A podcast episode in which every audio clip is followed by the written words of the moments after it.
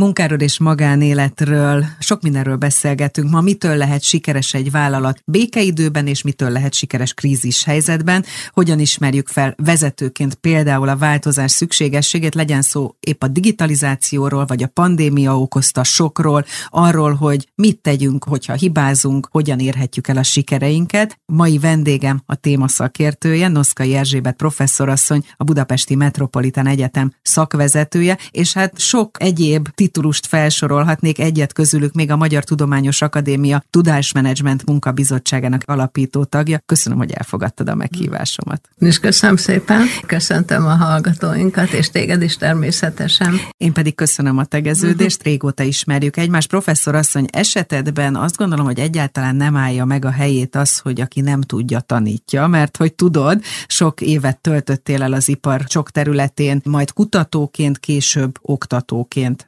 dolgozták. Ez egy tudatos építkezés volt? Igen, ez egy nagyon tudatos építkezés volt, mert már tulajdonképpen egyetemista koromban is tetszett az, hogy valaki oktat. Csak én úgy gondoltam, hogy a menedzsment területen, a vállalati gyakorlathoz közel álló tudások területén úgy nem lehet Isten igazából hiteles az ember, hogyha nem fog neki a mindennapi praxisba megcsinálni mindent, amit egyébként arról területről tudni kell, többi kell. Nyilván nem lehet teljesen mindent végigcsinálni, de amit lehet, és ráadásul több ágazatba is. Tehát én próbáltam több ágazatba is. Az is elven volt, hogy három-öt évnél tovább nem maradok egy helyen. Tehát ezek én nagyon tudatos lépések voltak, nagyon kerestem azokat a szakembereket, amennyire lehetett, akiktől tanulhattam, tehát nem sajnáltam az időt a úgynevezett túlórázástól sem, már úgy értem, hogy ott maradtam, esetleg kérdezősködtem, érdeklődtem, szívesen felvállaltam plusz feladatokat,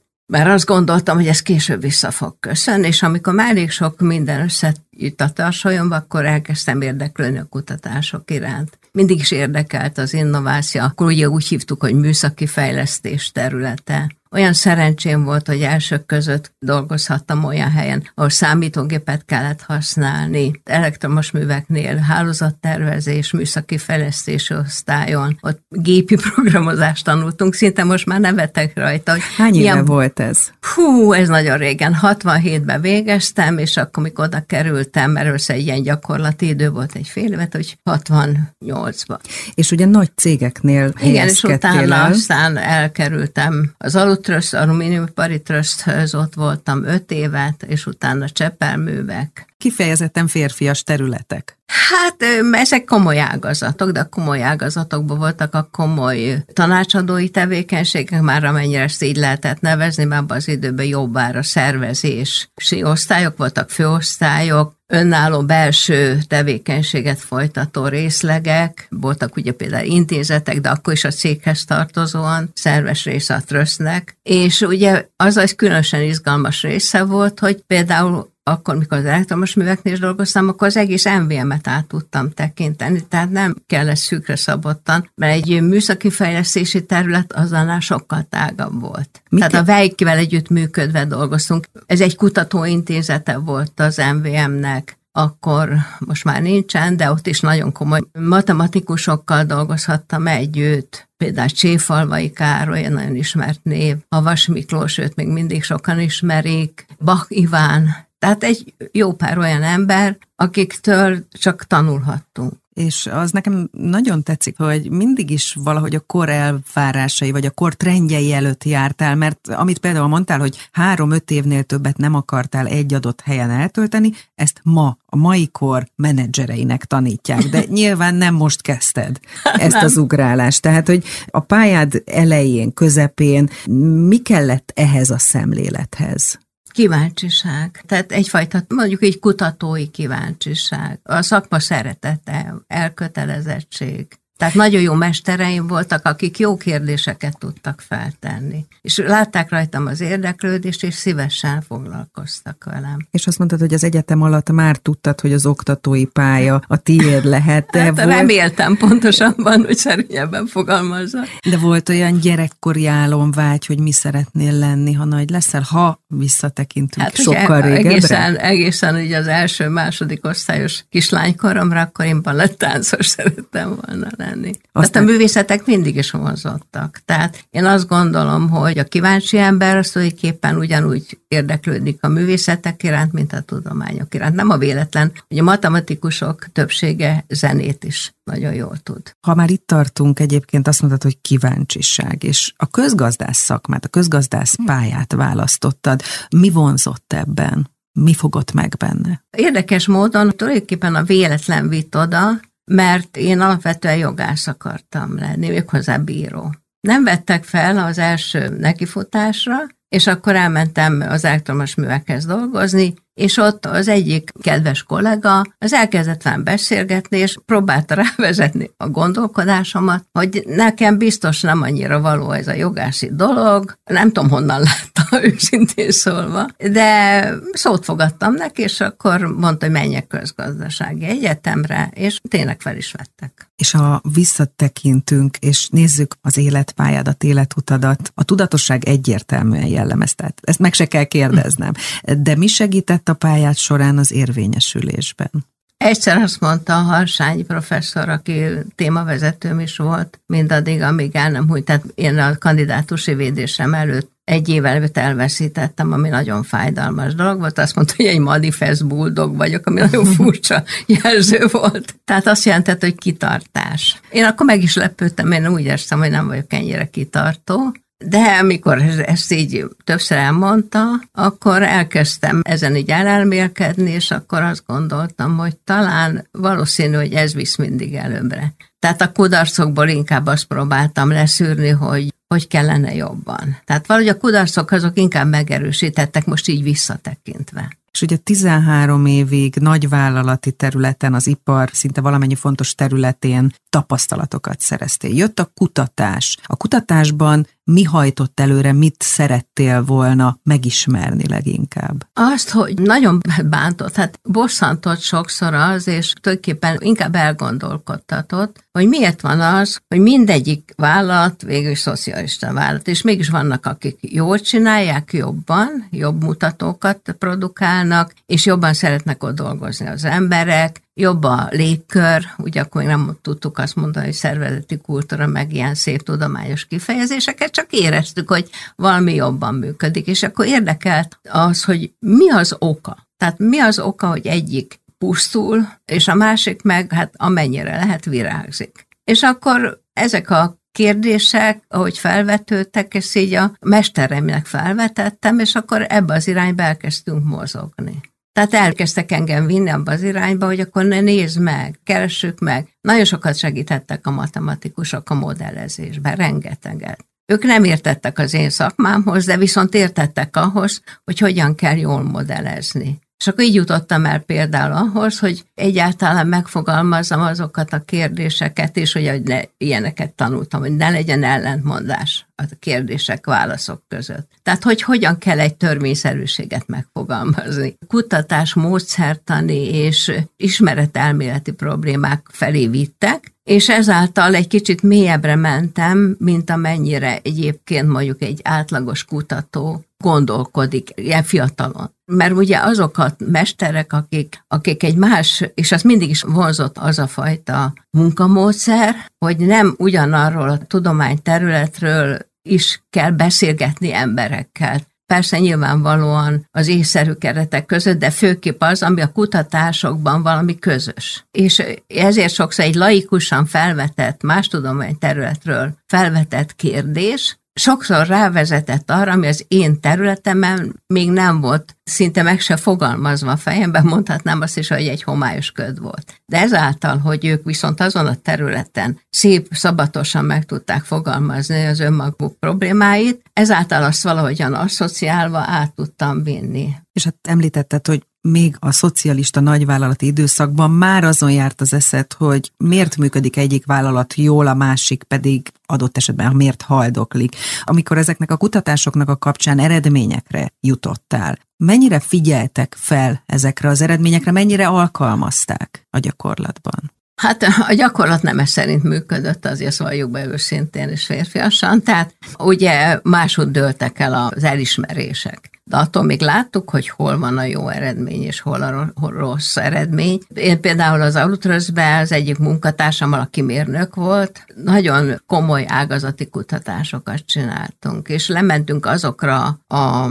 adatmélységekre, ahol azért már viszonylag kevés torzulás volt. És akkor döbbenten láttuk, hogy amely vállalat, mondjuk így a trösznek az vállalata, képpen nem volt annyira feldicsérve, ott mintha jobb mutatók lettek van, és ezek nagyon érdekesek voltak, és elkezdtünk ezzel a mérnök gyerekkel, kollégával, tehát fiatal ember volt, elkezdtük ezeket így firtatgatni, hogy hogy is van ez, miért is van ez, és akkor láttuk, hogy az elismerés az nem azonos az eredményességgel. És akkor ugye hát erre nyilván megvoltak a maga politikai magyarázatok is. Ezt akartam kérdezni, hogy volt, hogy falakba ütköztél? Ajaj. Mesélj ezekről is. Hát rengetegszer. Hát ugye kicsit ugye ez összefügg azzal, hogy milyen időszakok voltak. Ugye például elkezdtünk Cseppelen nagyon szépen dolgozni, modellezni. A Dénes Tamás, mások is, akik, tehát a gráfot használták, S gráfot használták arra, hogy különféle problémákat modellezzenek. Például, mit tudom én, akkor kezdtek el azzal foglalkozni, hogy az informális hatalomnak hol vannak azok a csomópontjai, amelyek tulajdonképpen a döntésekbe élesen belejátszanak, és az döbbenten látták a gráfelmélet segítségével, hogy nem törvényszerű, ott van a a csomópont, ahol egyébként a hierarchia magaslatai vannak. De aztán jött ugye, abban az időben nagyon sok jó kutatás volt, rengeteg, hiszen szabadon szárnyalhatott egy kicsit a gazdasági, új gazdasági mechanizmus mentén, kicsit úgy kinyíltak az ajtók a kutatások felé, sok jó műhely volt, nagyon sok jó műhely volt, és az egyik ilyen jó műhely volt a Csepeli Intézet, szervezési intézet, ahol eléggé szabadon dolgozhattunk, mint munkatársak, és ugye aztán jött ugye egy visszakozás, amikor ugye volt a lengyeleknél ez a Jeruzsálszi korszak, amikor ugye erős ráhatása volt a vállati életre, olyan tekintetben is, hogy mit lehetett és mit nem tovább vizsgálni, és akkor például egyszerűen olyan, mint egy falba ütköztünk volna, ami addig nyilvánvalóan szabad volt, ott sorra robbantak fel az ilyen kedvező kis kutatócsoportok. Tehát egyszerűen olyan falakba ütköztek, hogy elmentek máshova. Szétrobbantak. Vagy van, akit addig-addig, hát hogy mondjam, zavartak a különféle megjegyzéseikkel, még magától elment. Tehát, hogy tulajdonképpen szétrobbantottak ezek a jó kis műhelyek. És akkor Hát elkövetkezett az az időszak, amikor az én fejemben egyébként az jelent meg, hogy én már annyi mindent csináltam és tudtam, és akkor már megvolt az a modell egy kollégámmal, Kárpát Pál kollégámmal megcsináltuk, meg a Dénes Tamással, hogy tulajdonképpen úgy éreztem, hogy most már kutatni is lehetne jól, és akkor mentem el, az Infelor volt akkor még a nev, aztán később számkelet, kicsit a nevekkel mindig gondba vagyok, mert annyiszor átváltoznak a nevek, és akkor ott elkezdtem ezzel foglalkozni. És akkor tulajdonképpen én akkor gondoltam, hogy egy idő múlva úgyis el fogok menni kutatóintézetbe, ez egy picit meggyorsította. De számtalan szó volt ilyen, hogy amikor eljutottam egy eredményig, és már lehetett volna valamit kezdeni vele, akkor azért falakba ütköztem. Hogyan viselted ezeket a visszautasításokat, falakat, kudarcokat? Akár? Kerestem egy másik helyet. És egy másik feladatot? Nem, egy másik munkahelyet, és akkor megpróbáltam ott újraindulni. A váltásaid egyébként mindig tudatosak voltak? Igen. Tehát, hogy milyen személyiség vagy, mennyire határozottan, mennyire gyorsan döntesz? Nem döntök gyorsan. Nagyon sok éjszakában kerül, amíg eldöntök valamit, de ha eldöntöm, akkor utána már akkor megyek előre. Azt gondolom, hogy nem szabad.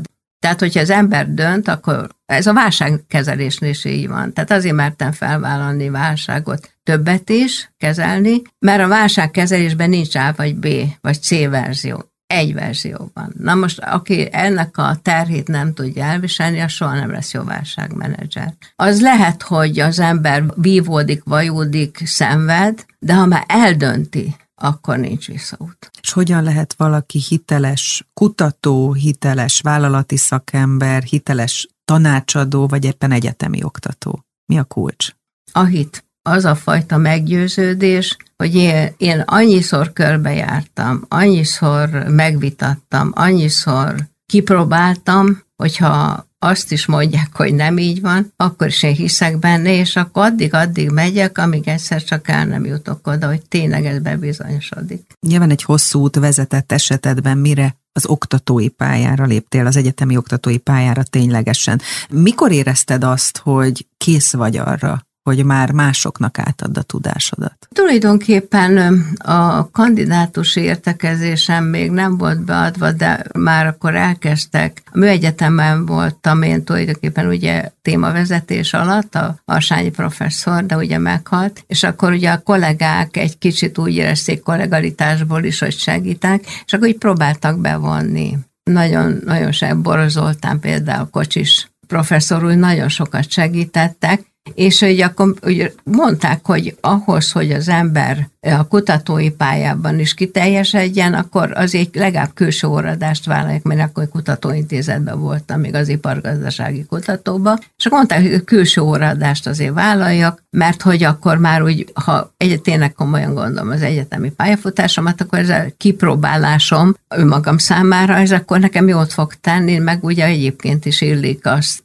elvállalni, hogy, hogy az ember ne csak kutasson, hanem akkor amit már elért, az valamilyen szintig átadja másnak. De én ezt így gondoltam, és csak én későbbre időzítettem volna, de hát így ez így adódott, és nem bántam meg a mérnök hallgatókat oktatni, remek dolog volt. És Tele voltak kíváncsiság. Párhuzamosan haladt az életedben a tanácsadás, az oktatás, a kutatás? Igen, na soha nem hagytam el, mert azt éreztem, hogy ha ezt a lábamat elhagyom a praxist, a akkor, akkor nincs, nem marad munícióm, tehát akkor miről fog szólni a kutatásom, ha nincsenek gyökereim, és akkor mit mondok a hallgatóimnak. Tehát olyan, azt én tudtam, hogy, hogy mindig korszerűt kell adni. Tehát mai napig is kutatok, mai napig is, amennyit lehet megyek, ha más nem, akkor a hallgatóimnak, a tanár, akik valaha hallgatóim voltak, és ma már kész tanácsadok, akkor, akkor ilyen konzium jelleggel kell meghívnak, akkor megyek utána, tehát hogy megnézem, hogy a praxis most hol tart. Ha nem is csinálok most már például válságkezelést, mert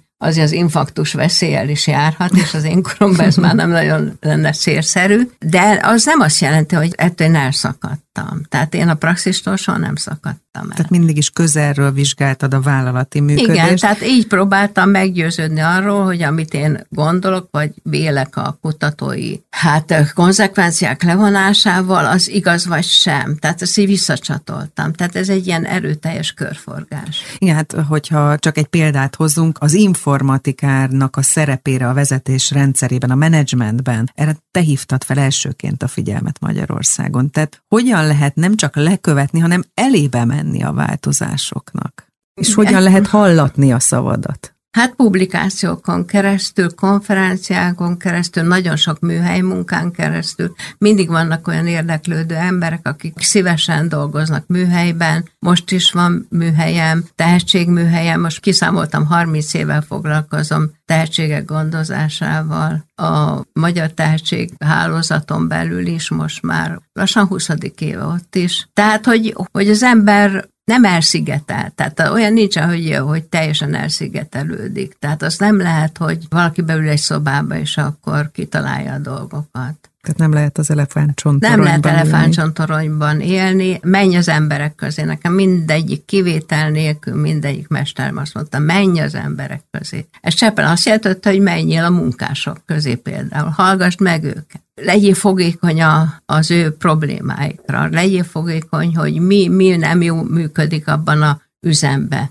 hogy miért, rossz, miért van nagy magas selejt százalék. Tehát ilyen fontos mozzanatokra figyeljünk oda, hallgassuk meg az embereket. Nagyon sokat számít a válságkezelésben is, hogyha lemegy az ember, és megnézi, hogy például ott fölül, amit a főnökök megfogalmaznak, az ott lent a munkahelyeken hogy fest. És akkor az a sokszor erős diszkrepancia azért már nagyon sok mindent mutat, hogy nagyon sokszor a menedzsment, aki tükörből látja a világot, mert minden nap nem lehet minden munkafázissal szembesülni ott lenne a gyakorlatba, hogy ez mennyire torz vagy sem. És sokszor nagyon torz. Előre kell menni, mind a vállalati gyakorlatban, mind a tanácsadásban, mind pedig az egyetemi oktatásban, és az egyetemi oktatás kapcsán arról nem beszéltünk eddig, hogy kikhez szólsz te, a fiatal pályakezdőkhöz, vagy inkább azért már a gyakorlott vállalati szakemberekhez? Most már a vállalati gyakorlott szakemberekhez, akik azért már több éve vannak a pályán, sokszor több diplomára rendelkeznek, és főképp az, hogy különböző diplomák. A ilyen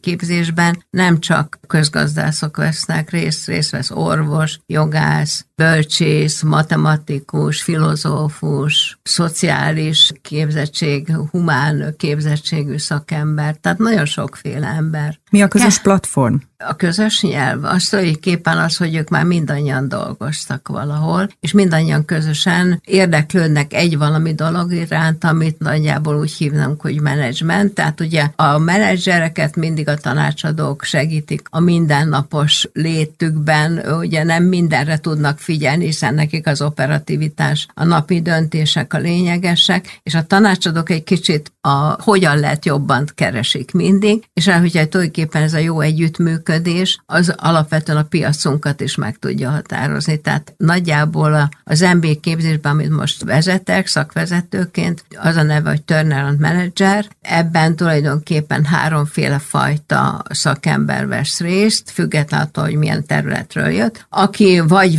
vezető már, és még tovább akar lépni a vezetői pályafutásában, ez lehet például egy nagyvállalat, vagy multicég, vagy akár egy közepes vállalat, vagy pedig lenne ő maga tulajdonos, és jobban szeretné csinálni a cégét, saját cégét, vagy pedig tanácsadó, és egy újabb területet akar megismerni, megkódítani. És mindegyiknek ez a közös platformja, hogy érdekli az, hogy hogyan lehet egy céget jobban igazgatni, jobban a siker felé vinni. Vagy hogyha kudarc történet, negatív hullám éri valamilyen ok miatt, lehet ez külső-belső tényezők, hogyan lehet ebből a bajból jól kilábalni. Most azt gondolom, hogy erre soha nagyobb szükség nem volt, ha turnaround managementet említetted, amikor új innovatív megoldások kellenek, gyakorlatilag ez erről szól, mint a COVID-19 okozta pandémia vállalatokra, szervezetekre gyakorolt hatását, ha nézzük.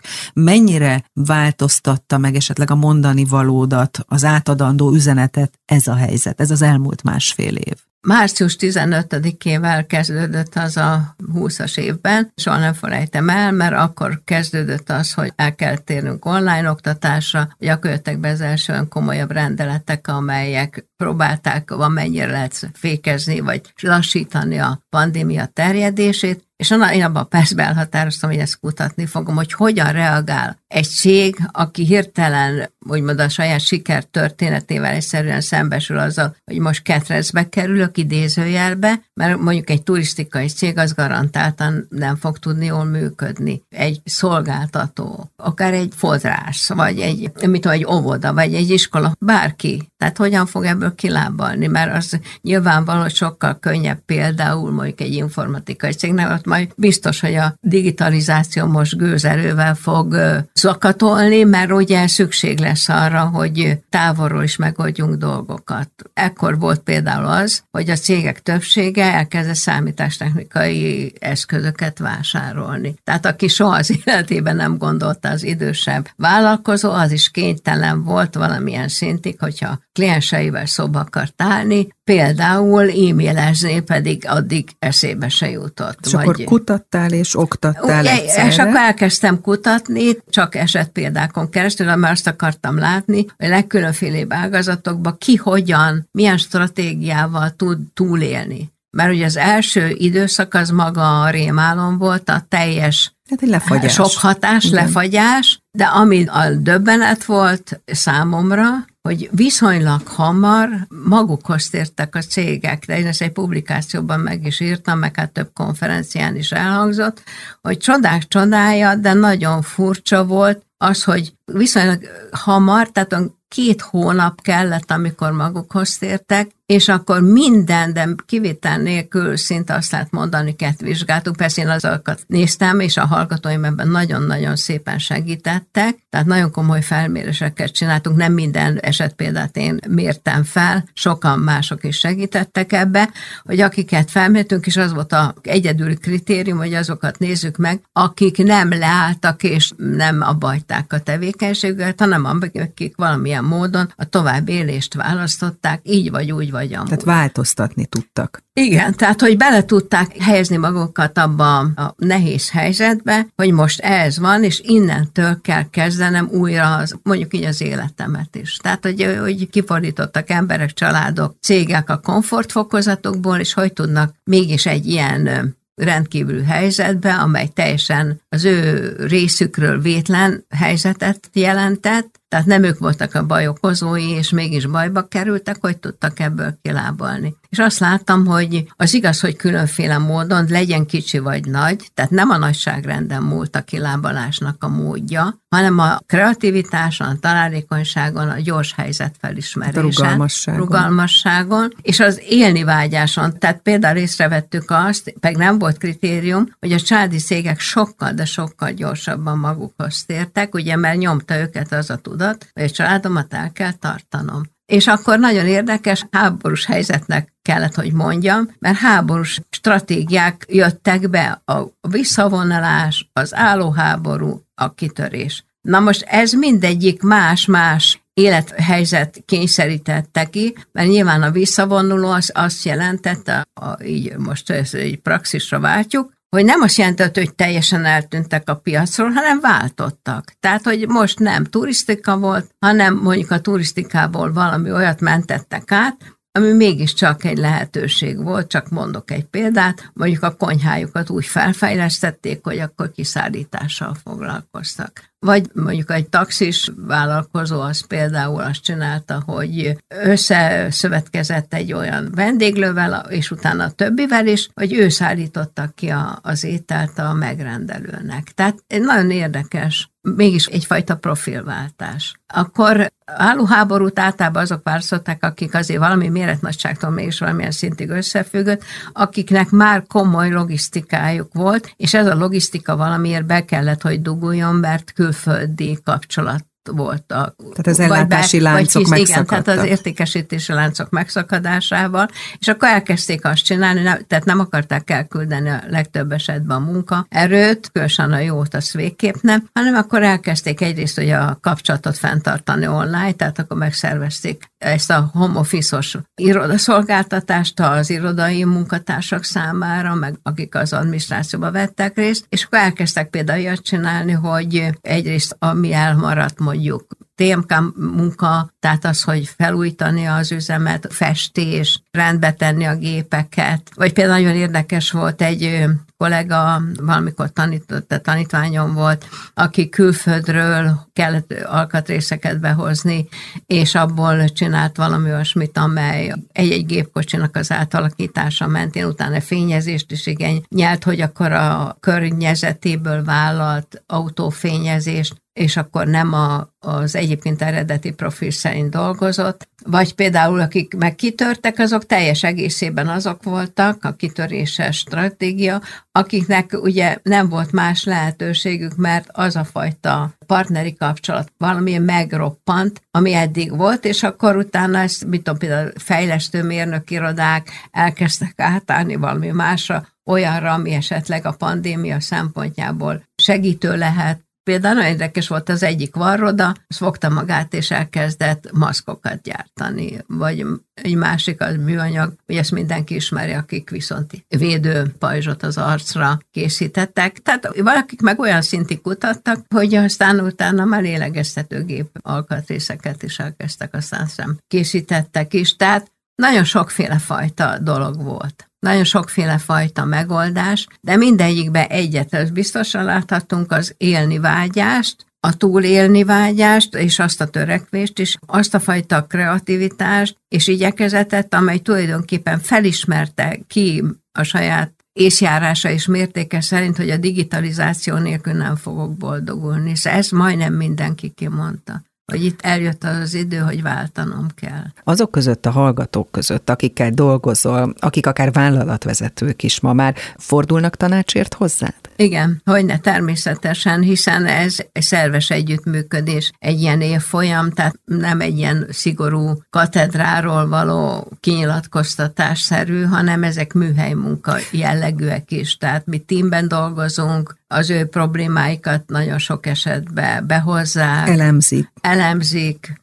másoktól is a saját évfolyam társaiktól, vagy pedig a saját tímcsapatuktól kérnek tanácsot. Mert hogy egy-egy döntésnek az emberekre gyakorolt hatása is lehet, tehát egy-egy rossz döntéssel akár 50-100 ember is elveszítheti adott esetben az állását. Igen, ami egyébként ez nagyon érdekes volt, ami feltűnt szinte minden cégnél kivétel nélkül, hogy sok mindenbe belementek, de abban nem nagyon szerettek volna belemenni, hogy munkaerőt elküldeni. Tehát minden fajta féle megoldást inkább előbbre soroltak, a legkülönfélébet, hogy akkor most inkább csináljunk javítási tevékenységet, inkább takarítsunk ki, inkább megszavaztuk közösen, a, már mi úgy értem az ottani csapat, ottani egy-egy csapat, hogy akkor inkább kevesebb fizetést kapjatok. Mindannyian ebbe belementek, tehát hogy valahogy a kollektivitásban is előre tudtak lépni ezek a cégek, de ismétlem csak azok a cégek, ahol eleve nem volt rossz a nem volt túl nagy a hatalmi távolság,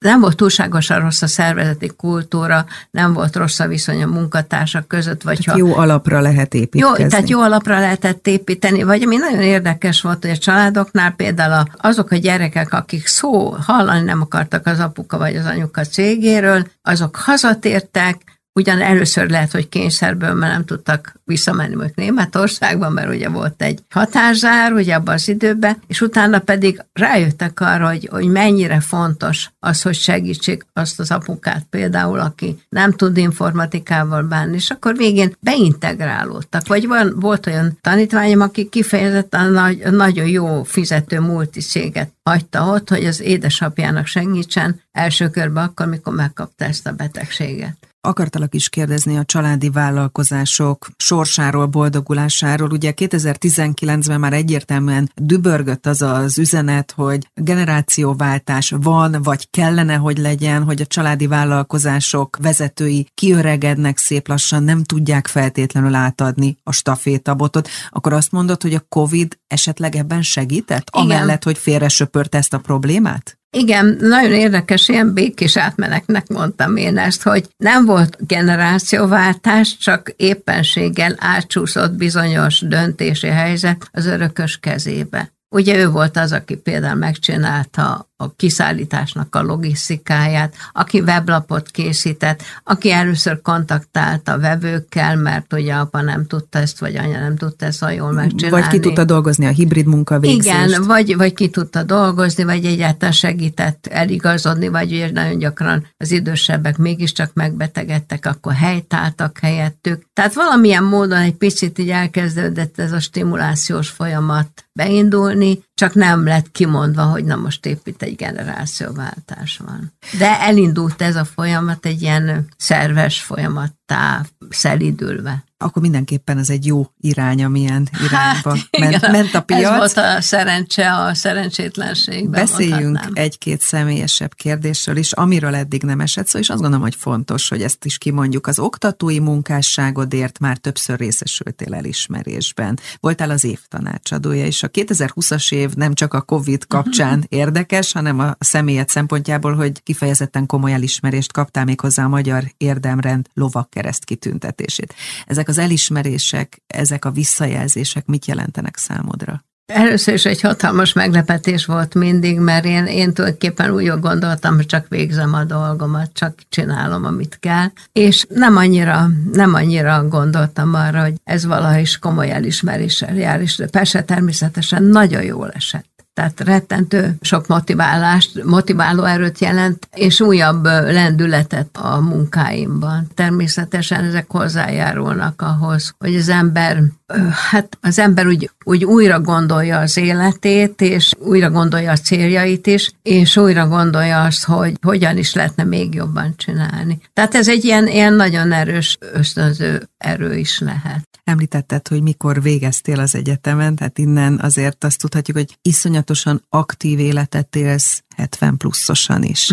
Úgy építettél fel egy életutat, hogy egy lányod van, illetve most már unokáid is. Ezt a munka-magánélet egyensúlyt, amiről most egyébként azért sokat hallani, ezt hogyan tudtad te egymás mellett egyensúlyban tartani, vagy voltak azért olyan időszakok, amikor azért ez nem ment annyira egyértelműen? Hát ez mindig nehéz, ez mindig nehéz. Ugye az ember örök lelki furdalással közt, hogy elég jó szülő vagyok, elég sokat teszek, elég jó háziasszony vagyok, ezért jó feleség vagyok, elég jó munkaerő vagyok, és bizony néha ez nagyon komoly kihívást és nagyon komoly lelki válságot idéz elő. Nekem nagyon sokat segítettek a szüleim, amíg éltek. Sokszor nem is annyira effektív a cselekvésben, hanem a bátorításban, a mellettem levésben, meg most ugye a, a számi után már megbetegedtek, vagy elhagytak, vagy vagy már nem tudtak úgy velem lenni, ugye nyilván meghaltak. Akkor ugye a, a férjem sokat segített, rengeteget, rengeteget. Tehát tulajdonképpen szoktam neki mondani, hogy nélkül nem mentem volna az ötről hatra, mert kicsit, amikor megkaptam ezt a elismerést, akkor mondtam, hogy ez a kettőnknek a kitüntetése, mert nagyon sokat segített. Tehát rengeteg. az összmunka, a család, hát, mint hát egy, egy csapat? Családi, hát igen, családi támogatás az nagyon lényeges. Az a fajta bátorítás, a hétköznapi kis gondokban, azok a mindennapi gyötrődésekben a családi. Én szoktam is mondani, családi vállalkozásoknál és családi, tehát aki vállalkozó akar lenni, család nélkül nem lehet. Tehát a család ellenzésével szemben nem lehet vállalkozni, és akkor, mikor az ember egy ilyen pályára vállalkozik, az egyfajta vállalkozás, és én mindig így fogtam fel. Nekem a rendszerváltás azért nem okozott akkora traumát, mert én mindig úgy gondolkoztam, hogy ez tulajdonképpen, amit én csinálok, az egyfajta kockázatos vállalkozás, függetlenül, hogy éppen milyen politikai, meg gazdasági rendszer van. Ugye sokan ülnek itt ebben a székben velem szemben, van, aki a családját, a gyerekét, gyerekeit, van, aki pedig a karrierjét tartja élete főművének. Te mit mondanál? Hát én azt gondolom, hogy mind a kettő fontos számomra. Én nehezen tudnám elképzelni azt a, azt a fajta karriert, amiben nincs benne a család valamilyen formában. Biztosan nem csináltam mindent jól, hát ez, ez lehetetlen. Emberek vagyunk, de mindig igyekeztem. Tehát a maga módján megpróbáltam megtenni, amit szerény erőmből kitellett. És mit tanácsolsz a fiataloknak, a nőknek, akik most vannak abban a helyzetben, amiben nyilván te korábban voltál? Más most, szerinted? Talán egy bizonyos szempontból könnyebb, ugye, mert rengeteg jó háztartási gép van, de azt a felelősséget, azt az anyai érzést, azokat a családi kötelmeket és kötelességeket, azt nem tudja kiváltani semmi. Tehát ezeket a dilemmákat nem tudjuk másnak átadni. Ebben segítséget lehet kapni, de tehát ezeket nem lehet megúszni, na, mondjuk ki kereken. Akartam szemben fogalmazni, de aztán mégiscsak a kitör belőlem néha válságmenedzser. Tehát igen, vannak helyzetek, amit nem lehet megúszni. Tehát aki egyformán fontosnak gondolja a családját és a hivatását, mert én azt gondolom, hogy nekem nem foglalkozásom van, a hivatásom, az is bírom ilyen sokáig, az eh, számoljon azzal, hogy tele lesz kételjekkel, nehéz éjszakákkal, nehéz nappalokkal. De megéri? Meg. Nagyon szépen köszönöm a beszélgetést. Én is köszönöm Legyen szépen. ez akkor ma a végszó. Noszkai Erzsébet professzorasszony, a Budapesti Metropolitán Egyetem szakvezetője volt ma a vendégem, és legközelebb ismét egy nő lesz a vendégem, akivel érdemes lesz beszélni, és akitől érdemes lesz valamit megtanulni. Kutasi Juditot hallották.